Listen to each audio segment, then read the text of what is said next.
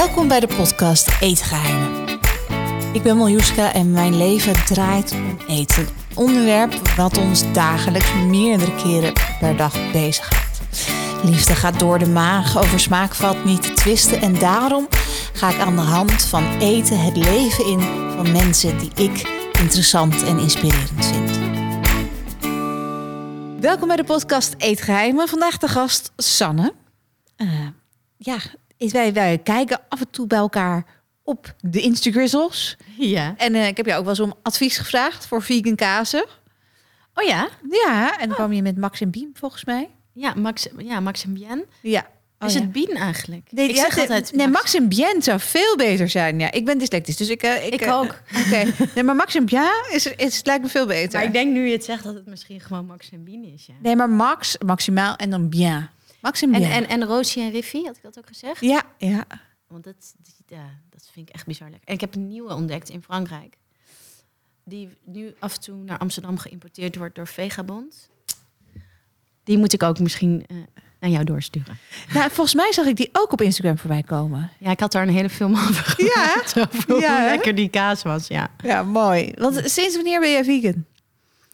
Um, drieënhalf jaar nu, denk ik. Ja. En daarvoor vegetariër vanaf dat ik 12 was. En thuis eet ik denk ik wel iets van zeven jaar uh, veganistisch. Maar buiten de deur niet, want ik wou niet... Uh... De lastige vegan zijn. Precies. Daarom heb ik het heel lang uh, buiten de deur...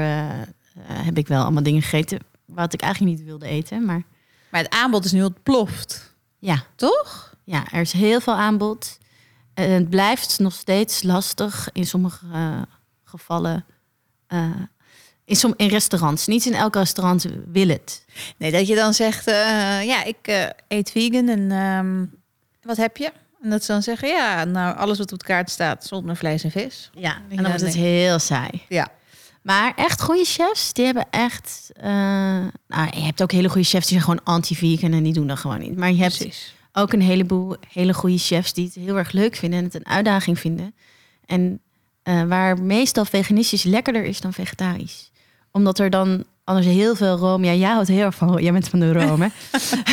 nee, maar ik ben bijvoorbeeld bij de nieuwe winkel geweest. Oh, ik ga binnenkort. Oh, dat is echt een aanrader, lieve mensen. Ik weet niet wat die man doet, maar toen ik daar klaar was die avond, dacht ik: uh, ik ben depressief, ik stop ermee, ik weet niet wat ik aan het doen ben. Ik, wat ik doe is niet koken. Deze man weet alles. Ja. Uh, en die hadden ook een soort romig iets geproduceerd, maar dat was geen room. Ja, met dus, de noten of met zaden? Ik weet het niet meer, maar het was fantastisch. En het, het is, ik zou zeggen, ga erheen, probeer het. En dan, als het maar romig is, dus het hoeft niet per se slagroom te zijn. Ja. Het is natuurlijk makkelijk voor mij. Ja. En ik vind de vervangers van slagroom in de winkel gewoon nog niet goed genoeg. Ja, ik hou dus überhaupt niet van slagroom. Ook niet, Ah. ook niet uh, als kind niet slagroomtaart of zo vond ik niet lekker. Maar jouw ouders kookten dus sowieso geen vlees, vis. Jawel, voor zichzelf wel. Oké, maar jij niet. Nee, vanaf dat ik 12 was, had ik besloten. Dus klaar. Ja, echt. ja. Weet je waarom? Nee. Omdat ik keek altijd goede tijden, slechte tijden. En toen, uh, daar speelde Anja Schijf in. Oh ja, fantastisch. En die werd uh, vegetariër. Toen dacht ik, oh wat cool, dat kan je gewoon doen. Je kan ja. dat gewoon beslissen. En toen heb ik dat ook besloten. En heel kort daarna moest zij weer vlees eten in die serie voor door sponsors of iets. Er was een, een protest oh, geweest. Erg. En toen moest dat personage weer vlees eten. En als 12-jarig meisje dacht ik, ja, maar dat is niet oké. Okay. Nee. Um, en toen was ik nog, uh, toen ging ik echt een beetje onderzoek doen en zo. En toen dacht ik, oké, okay, nee, dit wil ik gewoon niet meer eten. En ik vond, ik deed vroeger ook uh, van die sudderlappen met van die uh, vetrandjes en haché. Die verstopte ik allemaal in mijn wangen. Ja. En die spuugde ik dan uit in de wc. En ik dacht altijd dat mijn ouders dat niet door hadden, maar ik ben er onlangs achter gekomen dat ze dat altijd wel wisten. Wat schitterend. Dus ik vond het ook niet zo lekker. Maar ik hield maar wel waarom van. zeiden ze dan niet gewoon laat staan? Ja, dat heb ik niet gevraagd. Eigenlijk. Oh, een goede ja. vraag. Ja, ik ga het vragen. Ja.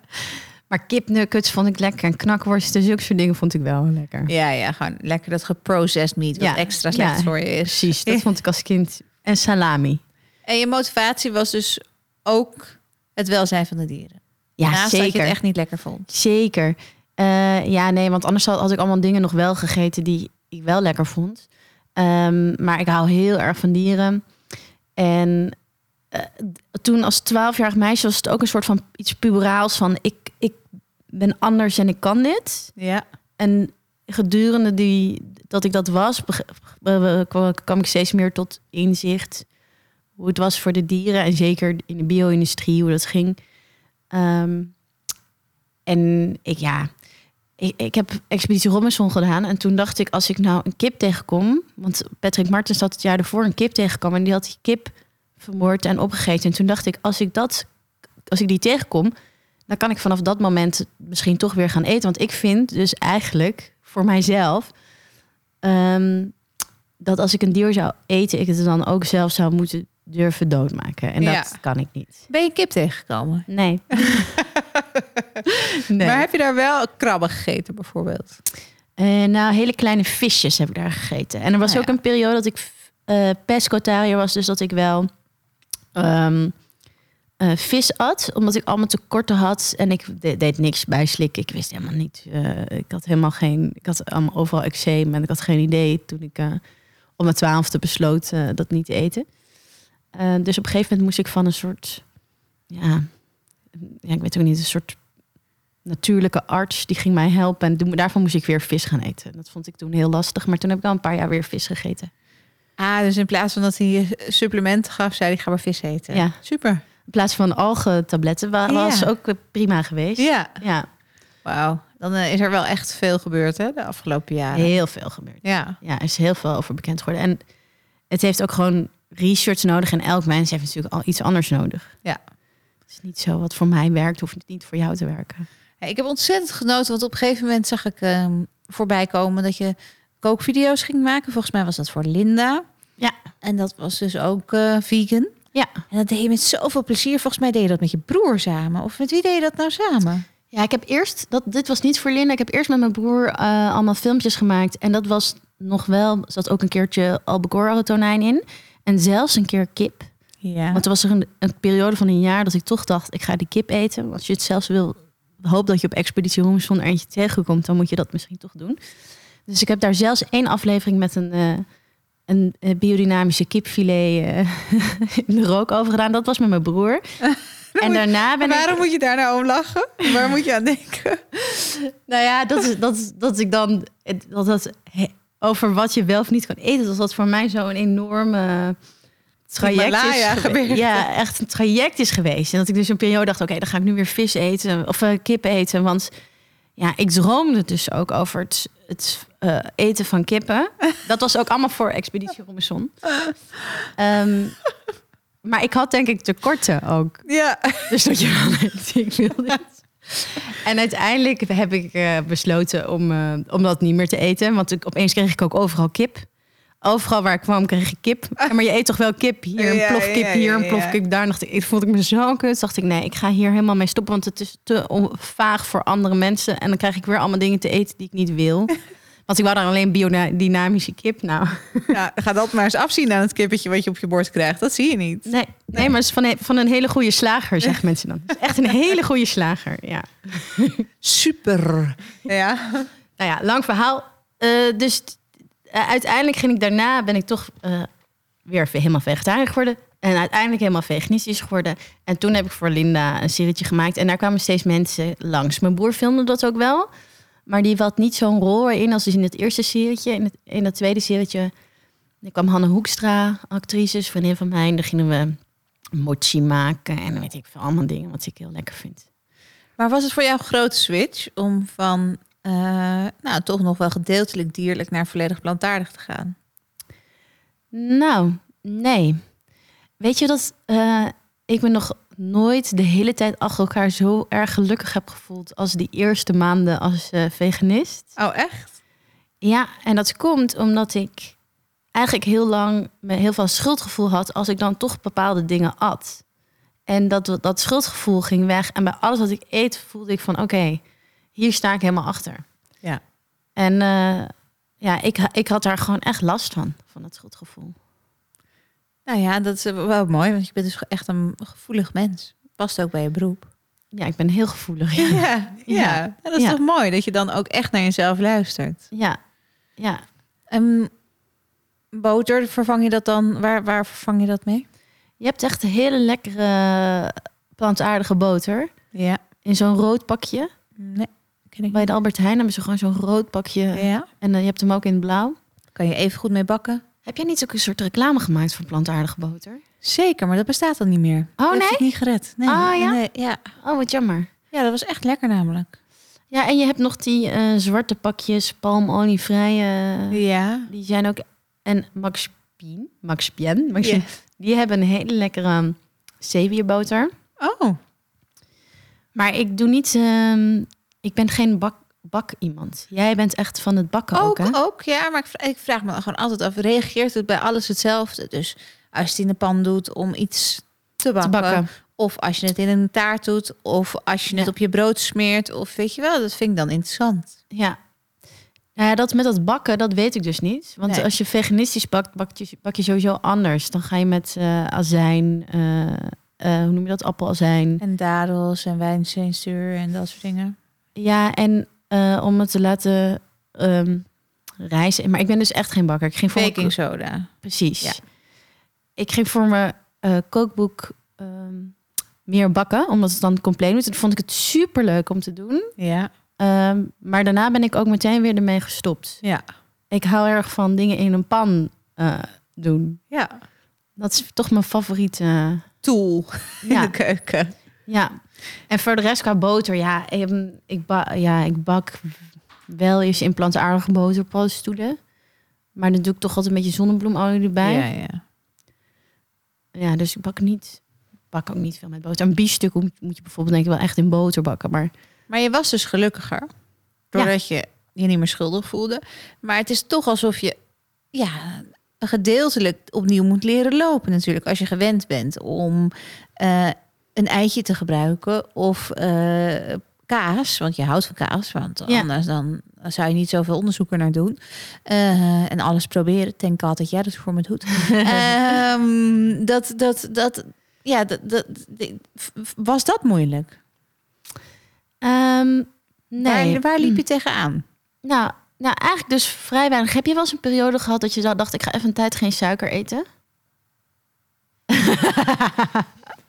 Ik heb Bijna ja, we hebben gedacht, meestal. En dan ochtends heb ik alweer... Ah, ja. Ja, ja, ik heb dat vroeger wel periodes gedaan. Ja.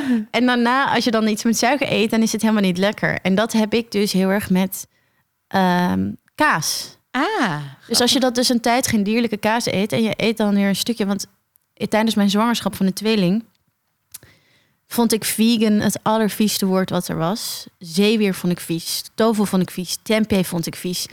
Ik wilde gewoon slankie smeerkaas, eh, witte bolletjes met melk erin. En toen heb ik dus weer vegetarisch gegeten een periode. ja. En toen waren die kinderen eruit. en toen kwam er een vriend van, eh, van mijn vriend eh, met zo'n blok boerenkaas. Toen dacht ik, ah, ik ga nog een stukje nemen. En ik vond het dus niet meer lekker. Oh, wat grappig. Dus je smaak verandert ook. Ja, ja, ja, ja. De tweeling. Het is, echt een, het is natuurlijk ook echt een ding. Ik heb er Ja. ook van genoten. Terwijl jij zwanger was, zag ik je groeien. En op een gegeven moment, op het laatst, werd je voortgeduwd in een rolstoel. Dat Ja. ik dacht, oh, wat heftig dit. Ja. Eh, maar je hebt het wel mooi geflikt. Ja, dat is wonderlijk, hè? Ja. Ik ben toch wel eh, ja, van onder de indruk dat, dat wij als vrouwen een soort fabriek worden om mensen te produceren. Dat is toch wel. eh. Grandioos. ja. Hoe lang heb je het volgehouden? Ehm, nou, ze gingen mij inleiden op 37 weken en Oh, één dat is dag. top. Ja, nou ja, ze hadden het niet eruit gewild hoor. Dus, want ze hebben me drie dagen ingeleid. En toen hebben ze een keizersnee ze eruit moeten halen. Want eh, die vliezen waren al doorgeprikt. Eh, ik denk dat als, als, als ik niet was ingeleid, ik misschien met 40 weken nog steeds er- er- erin had zitten. Maar ja, Dat kan toch niet meer op een gegeven moment? nou ja, ik dacht toen alleen maar, alsjeblieft, ga eruit. Ja. Ik, ik, kon niet, ik kon niks meer. Maar met terugwerkende kracht, als iemand tegen mij had gezegd... Want ik dacht, ze gaan inleiden en dan komen ze. als iemand tegen mij had gezegd... De kans is heel groot dat we gaan inleiden en dan komen ze niet. En dan moet je alsnog een spoedkeizersnee. Dat ik dan had gezegd, nou, De flikker op. ik wacht ja. nog een paar dagen. Maar dat, dat is ook onmenselijk. Want ik ben ook ingeleid bij de eerste. En daar wordt toch een. Je krijgt een soort superhormoonspul in je infuus gespoten. En daardoor ga je dus in een weeënstorm dat je denkt... Oh ja? Dat had ik, ja. Oh nee, ik kreeg een ballon. Een ballon? Ja, een ballon die ze inbrachten voor 24 uur. Ja. En toen gingen ze de vliezen doorprikken. En toen pas kreeg ik een, een, een spulletje. Ja, ja, ja. Maar ik kreeg geen weeënstorm. Oh, nou, dan... Nee. Ja. Mijn ontsluiting was gewoon nog niet ver genoeg. Oh ja. Gaat het over eten? Of dan wordt er opeens een bevallingsverhaal? Ja, nee, maar het hoort er allemaal hoort er bij. allemaal bij. Het hoort er allemaal bij. Toen ben je bevallen. Wat was het eerste wat je wilde eten? Want heel vaak zijn dat dingen die niet mogen, omdat het bijvoorbeeld rauw vlees is of zo. Maar daar had je geen last van. Nee. Wilde je een wijntje? Ehm, nee. Ik weet niet wat het eerste is. Nou, jawel. In het ziekenhuis, dus ook niet vegan. Een bruine boterham met zo'n plakje kaas uit zo'n plastic verpakking. Oh, wat armoedig. Ja, ja heel armoedig. Maar je, dat was, ja. Dat was ook het enige wat eh, voor handbereik was. Ja, en je had honger. Ik had ze echt heel erg honger. En ik weet wel, dat toen kwamen we thuis en toen had mijn vriendinnetje linzenpasta met gegrilde groenten gemaakt.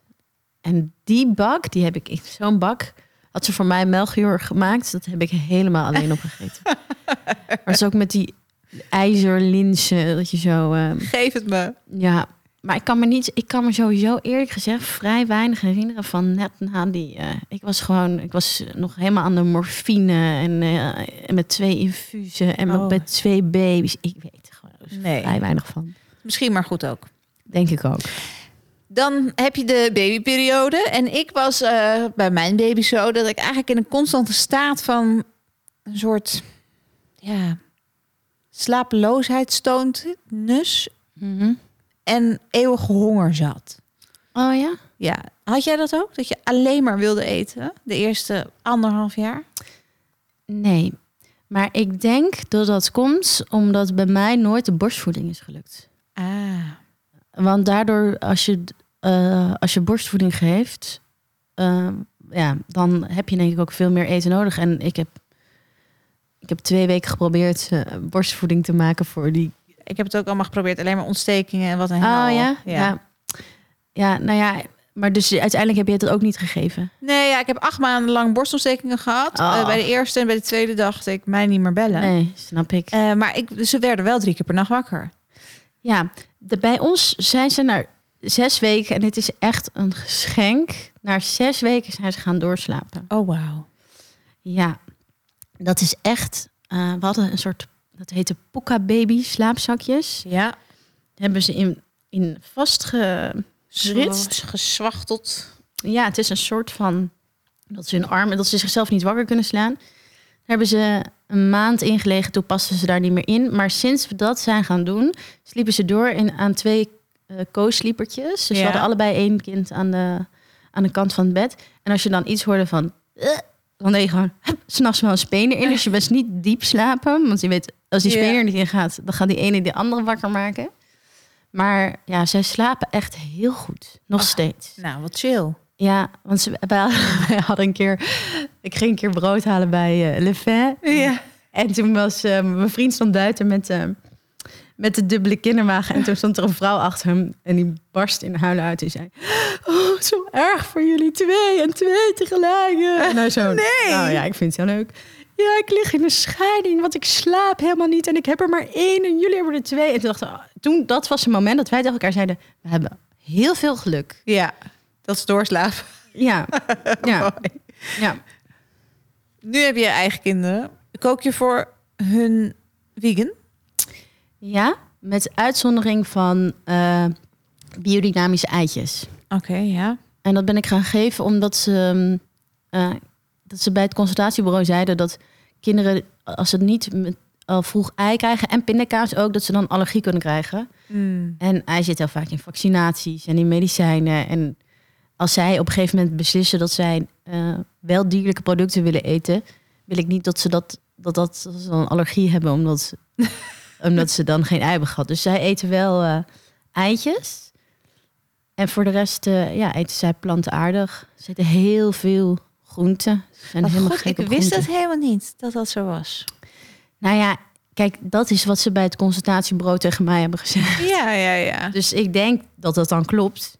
Uh, maar volgens mij verandert er ook constant dingen daarin. Want als ik hoor wat, wat vrienden die drie jaar eerder een kind hebben gekregen... bij het consultatiebrood te horen kregen... of wat hun kinderen moesten geven, was ook totaal anders. Dus volgens mij verandert dat de hele tijd wat mensen weten.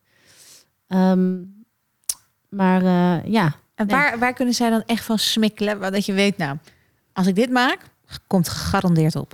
Um, nou, Louis heeft een obsessie voor uh, sushi. Oh. Maki avocado. Ja. En dat, dat is dus wat ik niet zelf maak. Hè? Dan gaan we naar de voethallen in Amsterdam. Dat, op weg van de crash naar huis. Als we daar langskomen, dan uh, moeten we daar naar binnen. En hij eet gewoon tussen de 20 en 30 van die sushi. Hij is twee jaar en drie maanden. Het wow. En uh, Ede Medame, Ede ja, ik kan het nooit uitspreken, Wat een boontjes. kind, ik vind het nu al enig. Ja. ja. Het zijn sowieso, het is niet normaal hoeveel deze kinderen eten. Voor Bella is echt best klein, heel tenger. En op de crash moeten ze twee keer warme lunch voor aan haar geven. Ze eet gewoon twee porties. En uh, ja, ze eten alles van groenten. Bella houdt ook wel heel erg van pizza. Ik maak dan pizza met plakken tofu. Zij eten rauwe blokken tofu alsof het blokjes kaas zijn. mooi. Als ik aan het koken ben in de keuken, dan hangen ze aan mij tofu, tofu.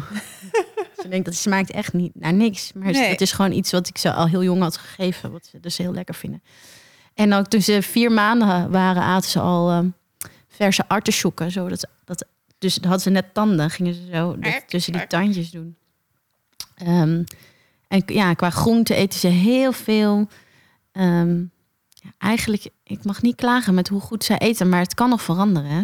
Ja, zeker. Geloof mij dan maar. Ja? Ja, ik, uh, mijn dochter, uh, nee, mijn zoon vooral, die at iedere dag uh, wel wat haring of een oestertje. Of... Oh ja. En op de een of andere dag, dat, ze twee, dat hij twee werd, nou, vies. Oh ja? Gewoon dat ik dacht, wie ben jij? Wat bizar, hè? Ja.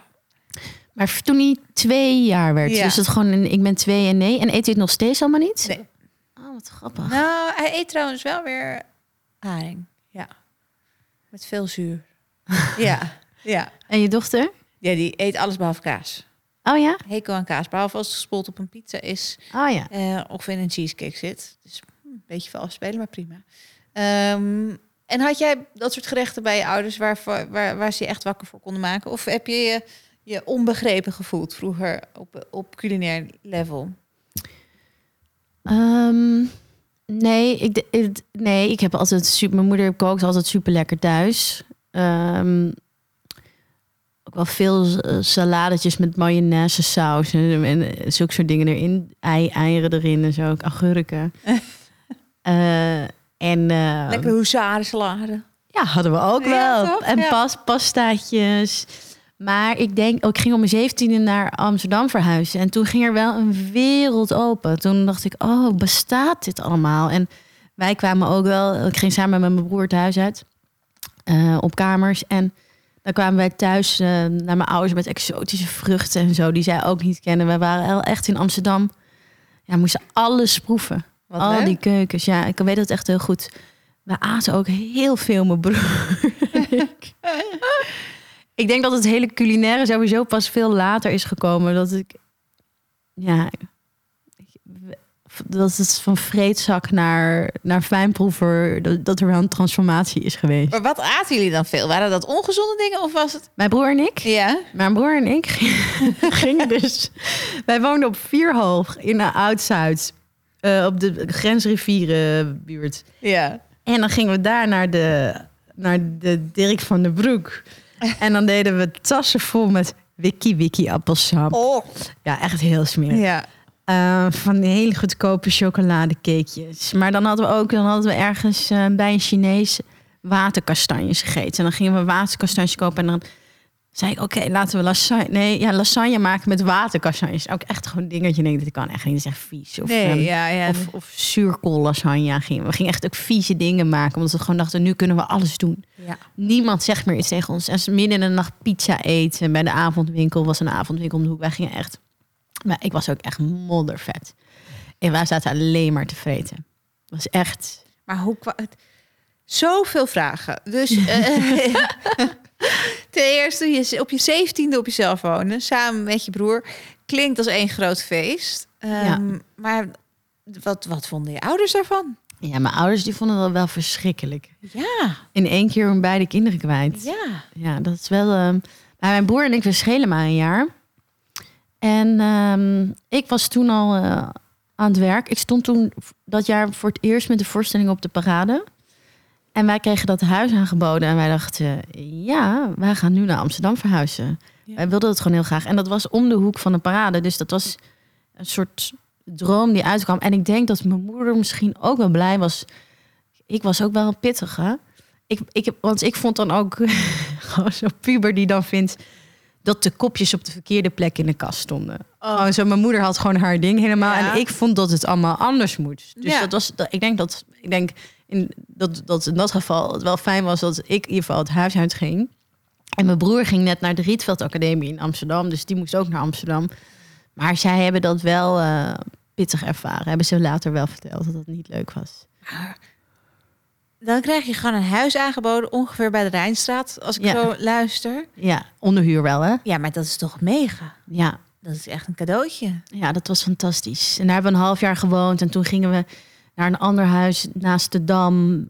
Uh, ook fantastisch. Ging ik ook met mijn broer. We gingen de hele tijd van het ene huis naar het andere huis. Ja, en ik weet nog dat, dat ik jou leerde kennen als actrice zijnde. Was je inderdaad voller dan dat je uh, nu was. Um, hoe, hoe heb je dat ervaren? Want in, in de wereld van zien en gezien worden is dat niet altijd even makkelijk natuurlijk geweest. Um, ja, ik had dus... Uh, ik had er dus, als ik aan het werk was, had ik daar totaal scheid aan. Ik ging gewoon in een string op het toneel staan en ik gebruikte dat heel erg. Um, want ik zag de, de, het schrijnende en de humor en zo, dat, dat zag ik er allemaal wel uh, aan af of zo, dat ik dat kon gebruiken. Maar als ik dan naar het strand ging, vond ik verschrikkelijk. Dus ik vond het verschrikkelijk als, als meisje. Als het geen werk was. Ja, en als werk maakt me niet uit, dacht ik, ja, nou ja, weet je, het is ook goed dat niet iedereen heel uh, dun is. Ja. En ik dacht ook um, dat ik daar toch niks aan kon veranderen. Want ik was op mijn dertiende was ik in één keer dik geworden. Binnen een maand. Oh. Ja, omdat ik aan de Diana-pil ging. Oh. Ben ik later. Um, en toen ben ik gewoon een soort, ben ik super veel gaan eten. Uh, lumpiaatjes na school en echt allemaal. Ja, shit. Ja. Um, dus op een gegeven moment was ik gewoon, gewoon echt heel dik en ik sportte ook niet en zo. En ik dacht, ja, dit is gewoon zo. Totdat ik achterkwam dat je dus ook op een andere manier kan eten. waardoor je. Ik was ook niet voldaan. Als je dus allemaal ongezonde dingen eet, blijf je een soort trek hebben. Zoals je groente eet en uh, linzen, bruine rijst en zo. Dan, mhm. dan voed je je lichaam echt, ja. Ja. ja. Dan voel je of daarna ja, een soort voldaan. En dat, dat, dat had ik gewoon niet zo goed door. Maar kreeg je dat dan ook niet mee vanuit huis? Of zette je je daar heel erg tegenaf? Ik zette me daar heel erg tegen af. ja, ik zette me daar heel erg tegen af. Als mijn moeder iets over zei, was ik echt... Ik was gewoon puur en dacht gewoon, hou je mond. Ja, ja. Wat, ik vond het dus heel fijn om, om ook uh, een, een actrice zoals jij te zien. Omdat ik uh, dacht... En je had ook inderdaad zo'n uitstraling van... Ik vreet je op, ik jullie allemaal. Uh, dat ik dacht, hè, hè, eindelijk een keer een ander beeld. Ja. Ja. Ja, nee, dat snap ik ook. Maar uiteindelijk was het. Ik bedoel, ik ben nog steeds vergeleken andere actrices natuurlijk niet uh, mager of zo. Weet je wel, ik ben niet. Ik ben, ik ben nog steeds niet dun. Maar ik was maat 40 of zo. Ja, prima. Ja, ja, nou, het verschilt een beetje. De onderkant is wel maat 42 en de bovenkant is dan 38. Dus ja, dan, ja. dan ja. Ben jij een mens? Dat is gek. Ja, was het. maar um, het gaat er natuurlijk om dat je lekker in je vel zit. Ja. En op een gegeven moment zat ik gewoon echt niet meer lekker in mijn vel. Dat stukken lopen en zo. Dat vond ik allemaal. Ik was, ik was gewoon fysiek zwaar. En toen ben ik in één keer. Toen ben ik gaan sporten. Toen kwam ik bij een sportschool terecht die ook mij dingen uitlegde over eten. En toen ben ik 24 kilo afgevallen. En ik weet nog dat ik dan rende ik over de gracht. En dacht ik, wat heerlijk om zoveel energie te hebben. Want het kostte me gewoon echt ook heel veel energie om dat hele lichaam ja. te tillen. En dat ervaar ik met de zwangerschap uh, opnieuw. Oh ja, ja, ja, ja. Oh, intens hoor. Ja. Ehm, je hebt tot, nou, je woont nu nog in Amsterdam. Je gaat over een tijdje naar het platteland, als ik het zo mag opschrijven. ja, En dan ehm, zie je dan ook voor je dat je je eigen eten gaat verbouwen? Of eh, wat, wat, wat, wat gaat het leven je dan brengen? De switch van het, de grote stad naar een dorp. Ehm, nou, het is wel echt het idee om van die houten bakken, eh, van die diepe houten bakken, Ja. en daar dan dingen in te gaan verbouwen. Dus niet in de grond, maar wel in, in bakken. En paddenstoelen kweken. Ik wilde super graag paddenstoelen kweken. En ik krijg dus, ehm, we hebben dan een huis en daarachter is een oude ja, fabriekje, een soort loods, timmerloods is het geweest. En dat wordt verbouwd. En dan heb ik da- daar dus, wil ik daar een fermentatiekast. Dat heb ik Oh. bedacht.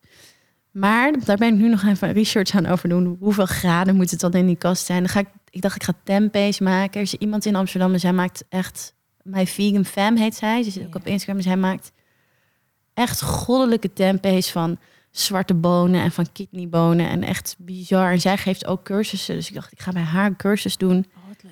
Ja, en zij doet dat in een soort tent. En dacht ik, oh ja, als ik een soort kast heb waar ik dat kan doen. Dus dat is een, dus dat is een plan. En sowieso allemaal potten met kimchi maken en zo. Alles waar ik nu geen ruimte voor heb. En wel ook dingetjes, ja, kleine dingetjes verbouwen. Ehm, en ik, ik ben, kom er net van het huis vandaan. Ik was er vanochtend. Ja. Want wordt het nu verbouwd al? Nee, nu, het, het voorste gedeelte wordt nu geschilderd. Ja. Ehm, en daar hoeft alleen nog een vloertje in. En dan gaan we daarin wonen. Dus daar hoeft niet zoveel te veranderen. En die hele grote verbouwing aan de achterkant, dat gebeurt als we er wonen. Maar dat, die twee gebouwen zijn los van elkaar. Dus ik heb dan geen last van de verbouwing. Dus, Heerlijk, klinkt Ja. goed. maar ik kwam vandaar naar hier, wat sowieso een mooie route is. Ik kwam helemaal langs, ehm, eh, ja, hoe heet het? Ehm, die kleine, je hebt dus allemaal water bij Hilversum, zeg maar. kwam Ja, ik zo, ja, zo'n ja. tussendoorroute.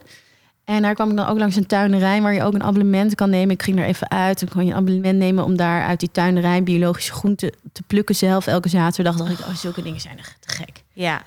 En ik doe dus nu in Amsterdam bestel ik altijd eh groenten via Hofweb. Ken je dat? Nee. Nou, dat zijn biologische en biodynamische boeren. Die zijn samen 25 jaar geleden een bezorgdienst begonnen. En dan koop je direct van hun. Dus dan gaat al het geld dat normaal naar de supermarkt gaat, gaat Precies. direct naar die boeren. Kunnen zij investeren in hun land. En dan komen ze het brengen. Maar één, dus ik toen ik het huis ging kopen, ging ik wel kijken. Ja, komt Hofweb wel bezorgen? En komt Chris wel bezorgen? Ja, Ik moet wel bepaalde dingen I got life needs. Ja. maar dat, dat, eh, dat is dus zo. En een van die tuinderijen die vlakbij mijn nieuwe huis zit, die is volgens mij ook leverancier van Hofweb. Dus volgens mij bestel ik daar dus indirect al. Oh, wat ontzettend leuk. Ja, dus daar ga ik nu naartoe op mijn bakfiets, dacht ik. En dan ga ik- Goh, heerlijk Ja. leven klinkt het. Ja, ik heb, er, ik heb daar zo zin in. Maar het moet ook wel druk zijn, want je hebt dus een man, twee kids en nog een carrière. Ja, Hoe is dat in te regelen? nou, dat vind ik soms best lastig. Ja, toch? Ja, ik ben heel benieuwd hoe jij dat doet. Heel veel mensen. Mensen om je heen. Ja, ja, Ja, En maar met je kinderen, ja, je kinderen zijn heilig, dus daar vertrouw je bijna niemand op. nee, nee. Maar het scheelt denk ik wel dat ze naar school gaan. Ja, maar dan alsnog, ik mis ze ook heel erg. Als ze op school zitten, denk ik, waarom moet het nou allemaal zo lang? En waarom is er zo weinig vakantie? Ik vind gewoon, ik mis ze gewoon heel vaak. Ah, Ik vind gewoon dat het heel snel gaat ook. ja, denk ik soms, hou op. ja. Misschien weer gewoon helemaal opnieuw beginnen. Hoe oud zijn ze? 10 en 12. Ja. wil je nog eentje? Wie weet, wie weet ooit. Maar dat, het wordt wel dat je denkt, eh, oh, rond deze leeftijd gaan ze richting die puberteit. En dan gaan ze zich losmaken en worden dingen ingewikkelder. En dan kan ik ook heel erg van genieten. Maar dan denk ik wel, ja, op een gegeven moment gaan jullie uitvliegen. Dus dat, Ja. eh, dat, dat, dat is... Oh, daar ben je nu al mee bezig. Daar vond je het ook nu heftig over mij en mijn broer. Ja, dat ik denk, nee, nee, nee. 17, doe eens even normaal. Ja, dat Ja. denk ik dan. Ja. Ja. dat is echt snel. Maar lukt het om, om werkprojecten, want ik weet dat je ook zelf graag dingen maakt natuurlijk. Ja. Lukt het om in te passen? Nou, dat is echt wel een zoektocht geweest. Toen zij net geboren waren, toen kwam uh, corona. Hallo. En toen konden ze niet naar de crash op het moment dat ze naar de crash zouden gaan. Dat was wel even dat ik dacht, wow. Ja. Want dat betekende gewoon dat ik niet kon gaan werken. Want ik ben natuurlijk de freelancer en mijn vriend heeft een vaste baan. En um, toen die crash open ging, toen moest ik ook wel even vinden van oké. Uh, ja, dan, zij gingen dan eerst twee dagen. En toen dacht ik, oké, okay, moet ik in twee dagen überhaupt iets opzetten? En toen ging ik dus eerst uh, mijn kookboek maken.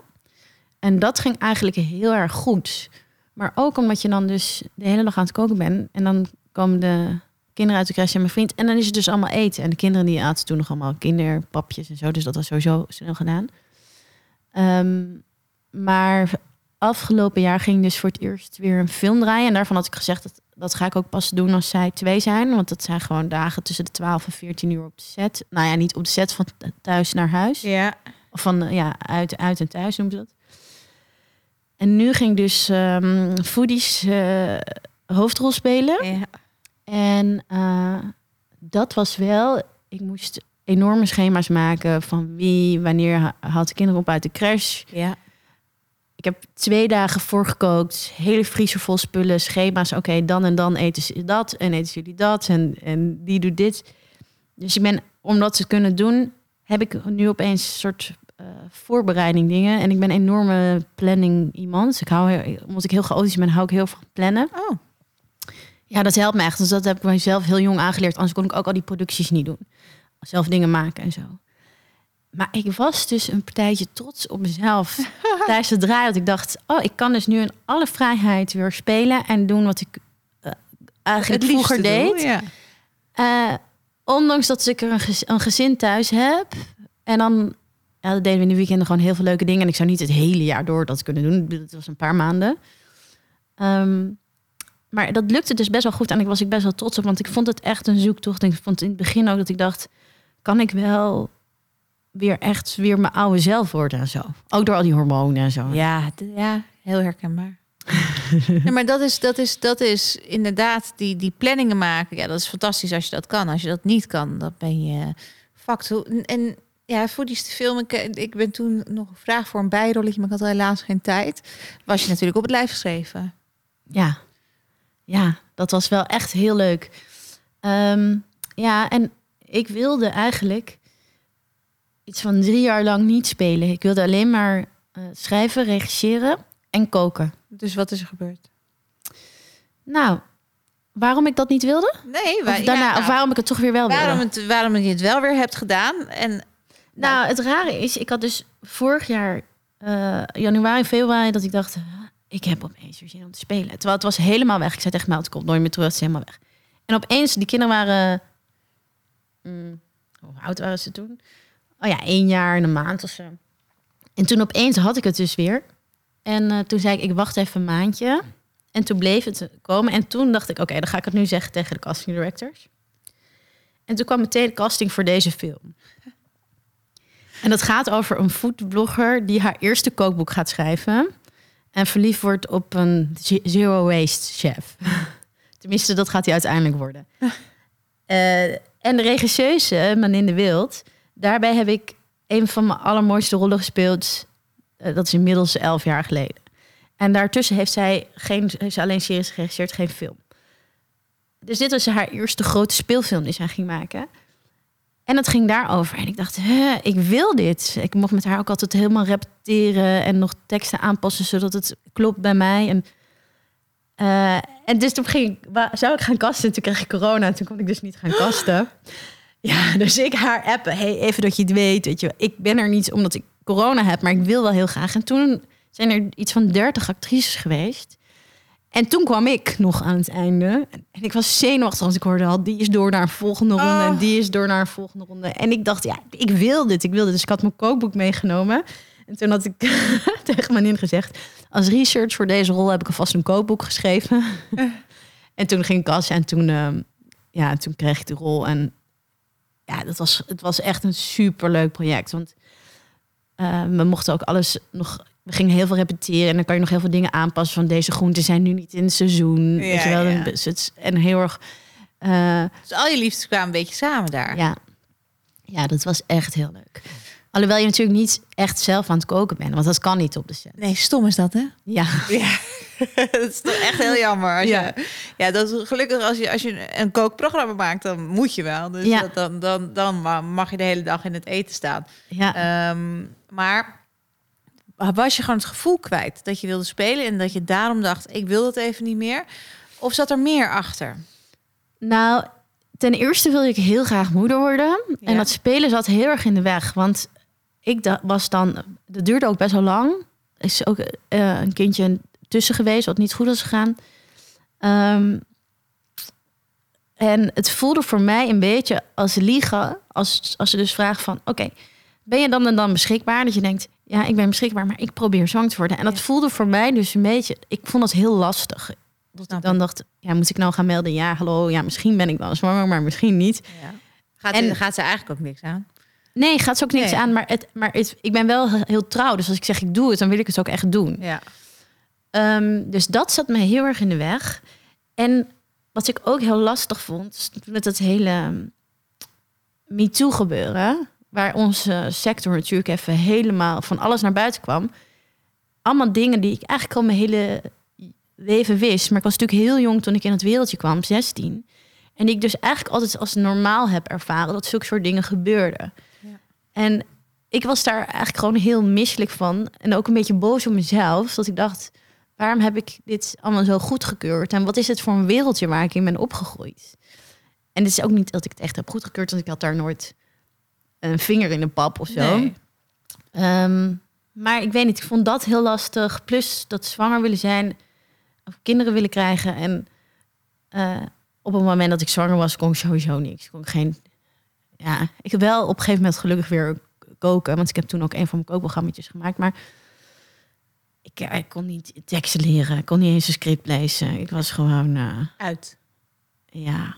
Alle energie ging naar die buik. En, en ik kon helemaal niks. Nee. Ja, dat, dat me too. Ja, dat, dat, ja, dat is gewoon een zootje. En het is zo normaal geweest, heel veel dingen. Dat je inderdaad in retro-perspectief ziet. Ik had gewoon helemaal niet die opmerking moeten laten maken. Of weet je wel, of dat je denkt, ik loop met een pak papier voor mijn borst, omdat dan niet eventueel iemand eraan kan zitten. Of weet je wel, dat soort dingen. Dat je daar nooit over hebt uitgesproken, omdat je dacht, ja, dat is gewoon hoe het is. Dat, dat, dat, daar doe je op. Ja, maar ook bij ons uh, gewoon andere mensen die, uh, ja, die ik goed ken, die uh, ook wel die ja, gewoon niet werden gebeld door een bepaalde castingdirector omdat ze bepaalde dingen niet deden. Nou, dat is natuurlijk allemaal naar buiten gekomen. Um, en ik wist dat altijd al. Ja, maar wat neem je jezelf kwalijk dan? Dat je het aan de grote klok had moeten hangen? Nee, ik neem mezelf ook niet iets kwalijk, maar wel Nee, ik denk ook niet dat ik mezelf iets kwalijk nam, maar dat ik eigenlijk opeens heel erg onder een loep te zien kreeg in wat voor wereldje ik was opgegroeid en ik had even niks met dat wereldje te maken wilde hebben. Ja. Terwijl als regisseur kies je zelf de mensen waarmee je werkt. Ja. Dus dan kan je gewoon een hele veilige familie kiezen. En dat is heel fijn. En als je schrijft, kan je eigen wereldjes creëren. Maar als acteur kom je steeds in andere, in andere ja, in andere mensen hun wereld, waar soms dus mensen tussen zitten die, die niet zo lief zijn. Nee, precies. En dan moet je bij de gratie en de grillen van hun dus functioneren. Ja. En als je dan een regisseur hebt die je 200% vertrouwt, zoals Manin bij Foodies, ja. dan is dat heel veilig. Maar het kan dus ook heel onveilig zijn. Ja. Hoe was de catering bij de film? Want dat kan ook wel eens verschillen. um, um, ja, moeilijk onderwerp. We hadden ze moeite met, met uh, nou ja, plantaardig te koken? Nou, ik heb gewoon heel veel tempeh gegeten. En, ik, en ze vonden vooral heel moeilijk vegan ontbijt. Ah, ja. Maar ze deden wel echt hun best. En het verschilde een beetje aan wie er bezig was. Maar ik altijd dus op de set, ik kan dus ook niet zo goed tegen gluten. En op de set eet ik dat dus helemaal niet, omdat ik dan uitslag kan krijgen. En dat is natuurlijk met spelen heel vervelend. Terwijl als ik een zuurdesembrood eet, is er niks aan de hand. Maar je kan niet zeggen, ik eet alleen maar zuurdesembrood. Nou, het lijkt me vrij makkelijk, toch? Ja, dat is, de, dat is eigenlijk nog ingewikkelder. Ja. ja. Of ik kan wel één keer per week pasta eten, maar niet vijf keer per week. Ja. Dus dan op de zet eet ik dan glutenvrij. Dus ik was ook wel lastig, zeg maar. Dat ik dacht, ja, dan heb je een, een glutenvrije veganist. Havermout pannenkoeken met banaan, je bent er. Ja, ja. Uh, maar dat was niet, dat was, dat was voor, voor deze cateraar niet. Uh. Oké, prima. Maar we hebben wel, ze hadden wel heel veel groenten en ook lekkere groenten. Nou, dat is, dat is top. Ja. Als jij uit eten gaat in Amsterdam, waar ga je dan nu uit eten? Het allerliefste naar allerliefste. Shoe? Ja. Mega hè? Ja, Shoe is... En dat is ook leuk, want uh, Marijn, ja. Uh, de chef van Shoe, heeft ook nog... Uh, de, ik zei tegen mijn regisseurs van Foodies, je moet met Marijn praten voor de rol van Sinan. Dus mijn tegenspeler, die is een chef en die gaat ook in de Zero Waste. En je moet eigenlijk bij Marijn allemaal advies in vragen. Zij is daar ook geweest, superleuk. En ik vind hoe hij plantaardig kookt... Ja. gewoon van tevoren aangeeft, veganistisch, zeven gangen, echt, echt goddelijk. En ik was laatst naar Jerba. En was ik vroeger ook al keer geweest. Maar ik heb bij Jerba... Het, ik, ik hou helemaal niet erg van toetjes. Maar ik heb het allerlekkerste veganistische toetje ooit gegeten. Wat dan, wat dan? Ja, het was een soort merengebol met daarin een randje framboos. En daarin nog een, eh, een ijs zat erin. En een soort frambozen crunch. En het was een soort allemaal verschillende structuren. En zuur en zoet. En dat sticky van die merengue. Het was zo lekker. Goh, ik krijg er al spontaan trek vind ik. ja, lekker klinkt Ja, het. dat is echt heel lekker. En ze hadden ook lekkere, lekkere dashi bouillon. En, en dat was echt lekker. was echt goed. Ehm, en ik heb dus... Ik wil dus al een jaar naar de nieuwe winkel. Ja, en dus gelukt de reservering. Ja, in juni ga ik. Ja. Wat een feest. Ja, je gaat echt eh, daar weglopen en denken, wat doen we? Ja. Ja. Oh. Maar ik vind het zo te gek, want ik had, ik had een podcast geluisterd eh, met Samuel Levy. Ja. Dat hij eh, met, met die chef naar het voedselbos gaat. En dan Ja. gaan ze al die... Oh, en die... Ik zat... Ik was... Ik moet dan... Ik ben dan zo emotioneel idioot. die dan Huilen. huilen van die podcast. En ik dacht, oh, ik wil daarheen. En toen ging alles weer dicht. En, Ja, ze hebben die, ik noem dat de uiensoepboom. Dus dat is een boom waarvan de bladeren en de takken smaken naar uiensoep als je die kookt. Nou, dit is fenomenaal wat deze man heeft bedacht. Hij heeft ook een soort boekwijd fermentatie gedaan, waardoor je een soort chocolademousse daarvan krijgt. Ook, nou, oeh. ja, nou, je gaat echt een helemaal feestje hebben. Ik ben al helemaal blij voor jou. Ben, ben, ben jij wel eens naar Amas in Kopenhagen geweest? Ja, ja, was ook goed. Dat vond ik ook niet normaal. Ja. Dat gefermenteerde aardappelbrood, wat ze in een vuur bakken. Ja, het is gewoon, ah, ja. En je hoopt toch dat de wereld zich zo gaat evolueren. Dat het gewoon een soort, ja, één grote... Fermentatie. Ja, want alles wat buiten je lichaam fermenteert, hoeft niet meer in je lichaam te gebeuren. Dat is toch Ja. veel beter? ja. Ja. en het is gewoon zo lekker. Oké, ehm, ik ga je een paar keuzes geven. Gewoon snel kiezen. Eh, niet veel nadenken. Ja. Pittig of mild? Pittig. Ja, en dan echt pittig, pittig. Wat, wat heb je? Sambals in de kast staan? Wat, eh, Ja, ik heb nu... Ja, ik, voor mijn zwangerschap ben ik veel pittiger dan nu. Dus ik Oh. ben benieuwd of dat nog... Dat ik echt pittig... Of ik dat weer kan. Dus nu zit ik een beetje tussenin. Ehm, maar ik heb eh, een hele lekkere sambal nu van Vrouw met de Baard. Ja, ja, die maken nu echt zo lekker.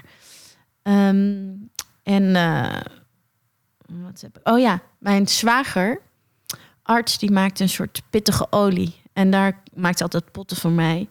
Dat is zo lekker. Dat is Gaat echt- overal overheen. Ja, Zoet of zout? zout. En dan, wat is je zoute snack? Oesterzwam bitterballen. Oesterzwambitterballen. Vind ik heel lekker. Ehm ehm, gefrituurde mochi met eh, sojasaus. Mega. Ook heel lekker. Ehm, dat zijn wel echt mijn favorieten. Maar ik sowieso, ja, al, alles wat hartig is, vind ik lekker. Koek of taart? Taart. En welke dan? Ja, dat vegan appeltaartje wat ik nu voor jou eh, had meegenomen. meegenomen. Die Dat is wel mijn nieuwe favoriet. Ja, Ja, echt nieuw favoriet. Ehm, maar is sowieso, ja, koeken. Ik eet ze bijna nooit. En taart eet ik ook maar heel af en toe. Ik eet wel ook vaak, vaak eh, raw food taartjes. Dat is- Oh ja. is dan toch iets eh, zouter. Wijn of bier? wijn, natuurwijn. Natuurwijn en dan ja. rood of wit liever? Oranje. Oranje? Ja. Ja, ja, ja. Oké. Okay. Vind ik echt het allerlekkerst. Um, echt om zes uur aan tafel zitten of ik zie het wel? Vroeger, voor kinderen, ik zie het wel. En nu is het wel echt uh, om zes uur, kwart over zes moet het eten voor hun staan. Anders word ik... Uh, Onrustig. Nou ja, anders wordt gewoon in elkaar geslagen thuis. dat is echt, er blijft niks van mij over als het niet op tafel staat. Omdat die kinderen zo hongerig zijn. Die kinderen, jongen, dat zijn echt een soort kliko's hoeveel die eten. zo grappig. Ja, worden echt woest als het zoiets is. Mayonaise of ketchup? Mayonaise. En dan Helmans vegan mayo. Is die goed? Ja, ik vind die echt heerlijk. Want de Mr. Kitchens hebben ook vegan mayo. Zijn dat die, die flesjes zo, die Nederlandse... Ja, volgens mij wel. Die ja. zussen die dat maken? Nee, dat zijn weer andere, maar die zijn, die, de, dat zijn de, de Mayo Sisters volgens mij. Oh ja. ja. Wat bedoel jij dan, mis? Ja, ik heb hier in de kast uh, staan, ga ik je zo oh, meegeven. Okay. Kan je het even proeven? Volgens mij zijn die ook goed. Ja? Ja. Okay. Ik eet het wel eens en dan just, it tastes like mayonaise. Oké. Okay. Dus uh, dat lijkt me belangrijk. Ja. Um, even denken hoor. Hollandse pot of buitenlands exotisch? Buitenlands exotisch. En wat, wat, wat, wat is er? Ja, maak je veel curry's of is het? Nou, ik maak heel veel uh, meer Japans eten. Oh. Ja, ik heb dus allemaal. Je had zo'n macrobiotisch instituut. Ja.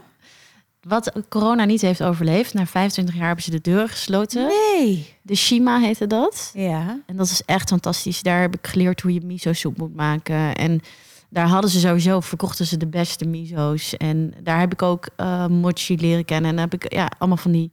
Ze deden een soort kijkcursus. Dat ze gingen iemand staan koken. En gingen dan allemaal dingen uitleggen over de macrobiotische levensstijl. En daar ja, heb ik dashi bouillon leren maken. Dat, en daar kook ik gewoon bruine ronde rijst. Maar kan je dat niet gewoon als een product in de markt gaan zetten? Dat jij dat voort gaat zetten?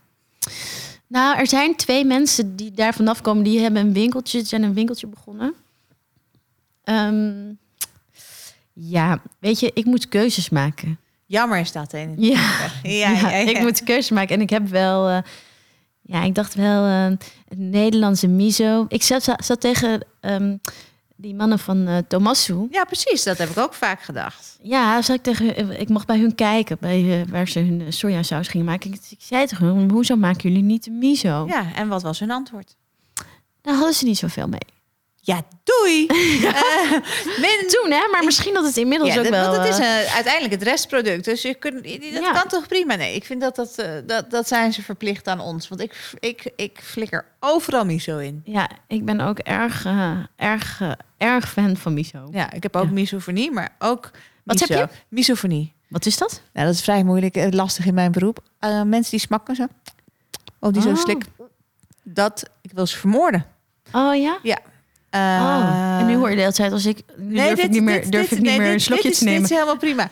Maar of mensen die met plastic zakjes, die dan zo de hele tijd zo, oh. de, de, hele tijd met plastic zakjes, die dan iets aan het uitpakken zijn, dan denk ik echt, waarom?